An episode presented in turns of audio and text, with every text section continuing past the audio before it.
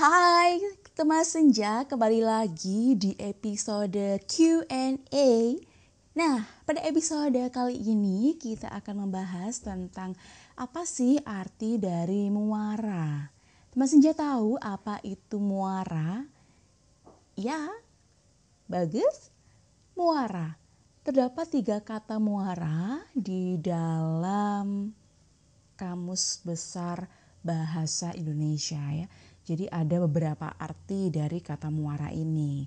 Oke, di situ ada uh, muara sebagai kata benda dan juga muara yang ditambah dengan ber itu artinya menjadi kata kerja. Yang pertama, muara sebagai kata benda ya. Artinya apa sih? Artinya adalah ujung.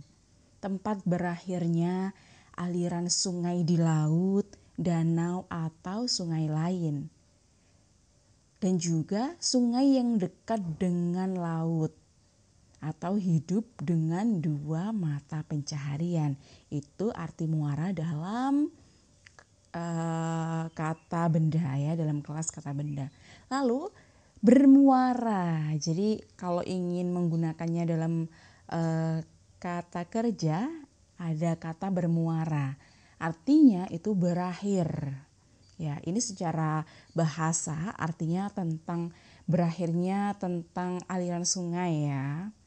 Tetapi dalam konteks yang puitis, bermuara ini bisa diinterpretasikan dalam banyak hal ya, dalam konteks percintaan, konteks kehidupan itu bisa saja ya. Contoh tadi uh, biasanya muara digunakan dengan kata sungai. Jadi ada muara sungai atau river mouth ya. Oke. Dalam lagu Adera yang mungkin teman senja sudah pernah dengar, ada bait seperti ini. Kaulah matahariku dan kaulah samudra. Tempat hatiku bermuara. Oh, jadi tempat hatiku berakhir sudah tidak ada orang lain selain kamu yang menjadi akhir atau tempat kembalinya hatiku. Waduh, ini puitis sekali ya. Nah, teman senja, ayo sekarang giliran kamu coba buat satu kalimat dengan kata muara atau bermuara. Thank